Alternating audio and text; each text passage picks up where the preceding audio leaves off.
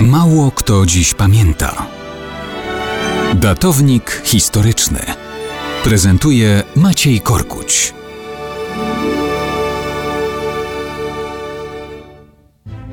Mało kto dziś pamięta, że 17 kwietnia 1335 roku był ostatnim dniem życia Lutera von Braunschweig, syna księcia Brunszwiku z rodu Welfów. Miał trzech starszych braci, więc zaplanowali rodzice dla niego życie zakonne. Brzmi to w naszych uszach dość niewinnie. Trochę się to zmienia, kiedy słyszymy, że zakon, do którego wstąpił, to zakon krzyżacki. W państwie zakonnym Luter pnie się powoli w górę, zostaje komturem, uczestniczy w zakonnych przetasowaniach politycznych. W końcu w 1331 roku zostaje wielkim mistrzem zakonu.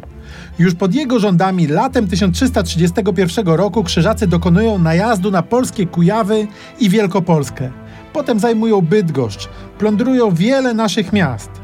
Jesienią rozpoczynają nową wyprawę, atakują jeszcze liczniej. Teraz jednak król Łokietek zadaje im ciężkie straty, między innymi pod Płowcami.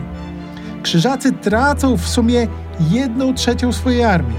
Polacy świętują, krzyżacy zawracają do siebie. Sam Luther von Braunschweig ma już swoje lata, w wyprawie nie uczestniczy, dowodzenie zleca innym braciom krzyżackim, ale jednak to on uosabia państwo, które tak źle się w naszej historii kojarzy. Kiedy w kwietniu 1335 roku von Braunschweig umiera, autor Kroniki Oliwskiej zapisze, cytuję: Ten mistrz był mężem łaskawym i miłym, miłując i rozszerzając cześć Boga. Po tym, jak doprowadził bieg swego życia do końca, zmarł pełen dobrych uczynków. Został z honorem pochowany u kanoników w kościele katedralnym w Królewcu. Tyle kronika z dawnych czasów. Ech, jak wiele w historii znaczy odmienność punktu widzenia.